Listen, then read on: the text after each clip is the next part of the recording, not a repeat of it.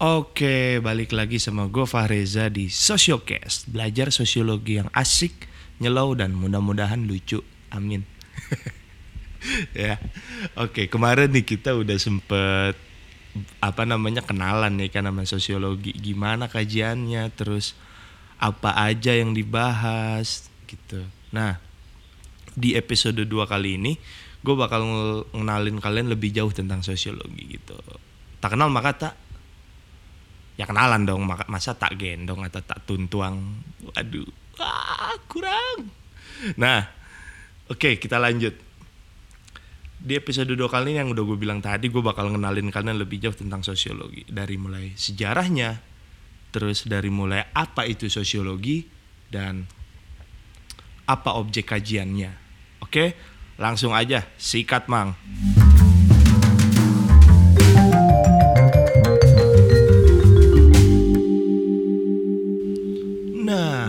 Oke, kita langsung aja ya ke sejarahnya nih. Sosiologi itu sebenarnya ilmu yang cukup tua dan lumayan lama sebenarnya. Sosiologi itu konsep awalnya dan konsep dasarnya itu ada pada abad ke-14 yang dicetuskan pertama kali oleh ilmuwan Islam itu namanya Ibnu Khaldun.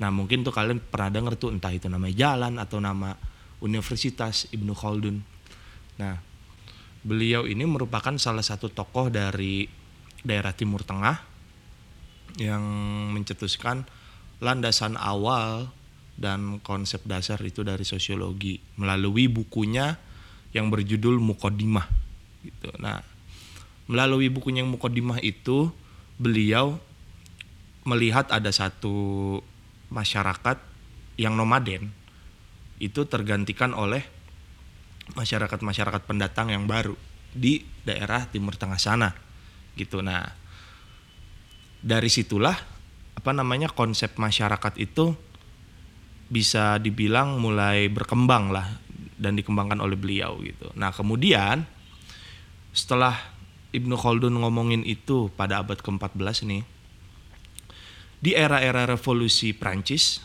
ya kan di mana pada saat itu uh, ilmu pengetahuan itu semuanya berkembang setelah revolusi Prancis itu. Begitu pula sosiologi gitu. Sosiologi yang awalnya itu masuk ke dalam filsafat sosial akhirnya dipisahin nih sama salah satu ilmuwan namanya Auguste Comte. Nah, entah pokoknya tulisannya Auguste Comte. Nah, pokoknya begitu bacanya Auguste Comte, Auguste Com atau ya gitu dah pokoknya. Nah, pokoknya dicetuskan lah oleh dia nih.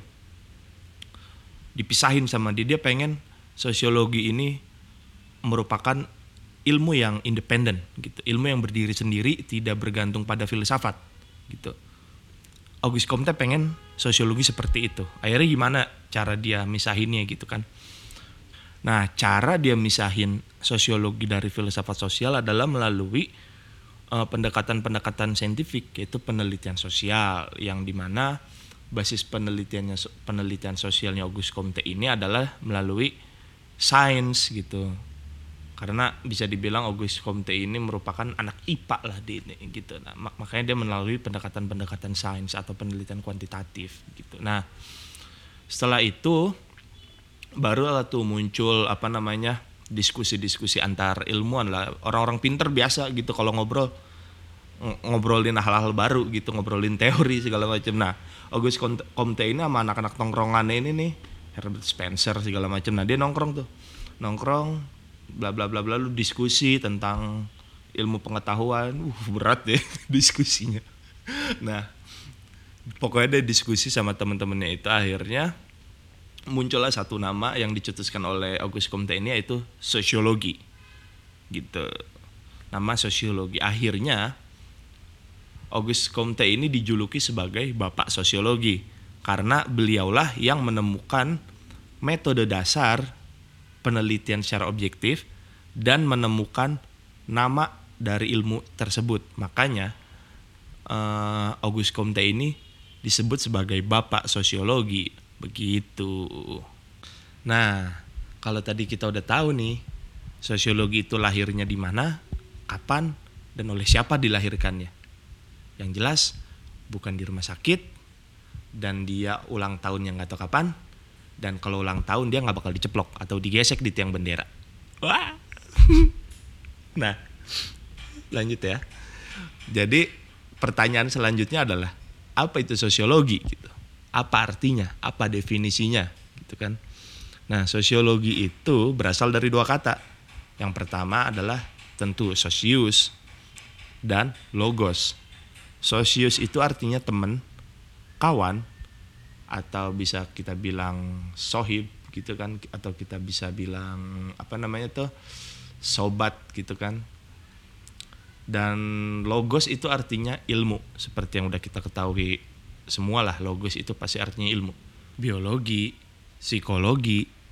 Nah itu semua itu logonya adalah ilmu atau loginya itu adalah ilmu gitu. Nah kalau secara definisi sosiologi itu bisa kita bilang adalah merupakan ilmu yang mempelajari interaksi dan hubungan sosial antara individu ke individu, individu ke kelompok, kelompok ke, ke individu, atau kelompok ke kelompok gitu. Nah jadi eh, apa namanya sosiologi itu melihat itu. Nah tapi karena sosiologi itu adalah ilmu sosial yang mana ini mempelajari masyarakat dan berdasarkan teori-teori dari para ahli gitu ya. Sosiologi juga punya arti lain dan definisi lain gitu menurut para tokoh-tokoh sosiolog ini. Contohnya kayak misalkan Emil Durkheim. Emil Durkheim ini adalah salah satu sosiolog dari Prancis yang bisa dibilang dia juga adalah tokoh besar dalam sosiologi klasik. Itu ada Karl Marx, ada Durkheim, ada Max Weber, dan ada Auguste Comte. Nah, inilah para pembesar sosiologi. Nah, Emil Durkheim ini ngelihat sosiologi merupakan sebuah kajian ilmu yang mempelajari mengenai fakta sosial. Itu itu adalah pandangan sosiologi menurut Emil Durkheim. Dan fakta sosial itu apa sih gitu. Nah, menurut beliau fakta sosial itu adalah kayak semacam gini, cara kita berpikir, cara kita bertindak, cara kita berperilaku, cara kita bisa mempengaruhi lingkungan sekitar kita atau pertemanan kita. Nah, itu adalah fakta sosial kalau menurut Durkheim gitu dan masih banyak lagi tokoh-tokoh lain yang mendefinisikan sosiologi berdasarkan basis pemikirannya gitu. Nah, itu tadi sosiologi. Oke. Objek kajian sosiologi sendiri itu sebenarnya ada dua, yaitu individu dan masyarakat. Gitu, ada dua. Individu dan masyarakat. Itu objek kajiannya individu itu apa sih gitu kan? Individu itu bisa kita bilang adalah diri kita atau individu itu adalah satu orang. Itu individu. Tapi kalau masyarakat itu adalah kumpulan dari individu-individu gitu. Yang di mana ini bukan cuma sekedar perkumpulan biasa cilah bukan bukan sekedar perkumpulan biasa asal kumpul gitu. Nah masyarakat ini diartikan sebagai perkumpulan perkumpulan individu yang di mana di dalamnya itu terdapat interaksi hubungan sosial dan bisa melahirkan kebudayaan kalau menurut Om Selo Sumarjan gitu. Nah, om menurut beliau gitu masyarakat. Nah, objek kajian sosiologi itu dua itu, individu dan masyarakat. Karena pada hakikatnya manusia itu adalah makhluk sosial gitu. Makhluk sosial yang di mana kita ini nggak bisa hidup tanpa orang lain gitu. Ya nggak sih? Lu bisa nggak sih nih hidup nih sendiri tanpa bantuan orang lain gitu? Tanpa gadget tanpa alat yang dihasilkan oleh orang lain atau tanpa apa pun dari produk-produk hasil orang lain. Kalau menurut gue kita nggak bisa seperti itu dan kita bakal apa namanya survive nggak bakal lama lah gitu tanpa bantuan orang lain. Gitu. Ya contohnya kalau kalau misalkan lu kalau mau coba nih ya. Nah lu cobain nih ke hutan nih kan ke hutan sendiri nggak bawa apa-apa atau bahkan nggak pakai baju gitu ke hutan sendiri berangkat ke sana tanpa bawa apa pun silakan kalian bertahan hidup di sana gitu sendiri tanpa bantuan orang lain. Kalau kalian bisa survive sampai kalian berapa puluh tahun itu kalian luar biasa hebat banget gitu survival kalian. Nah pasti susah kita kalau nggak bisa kalau apa namanya nggak berhubungan sama orang lain. Se introvert introvertnya orang introvert ciset ribet banget ya.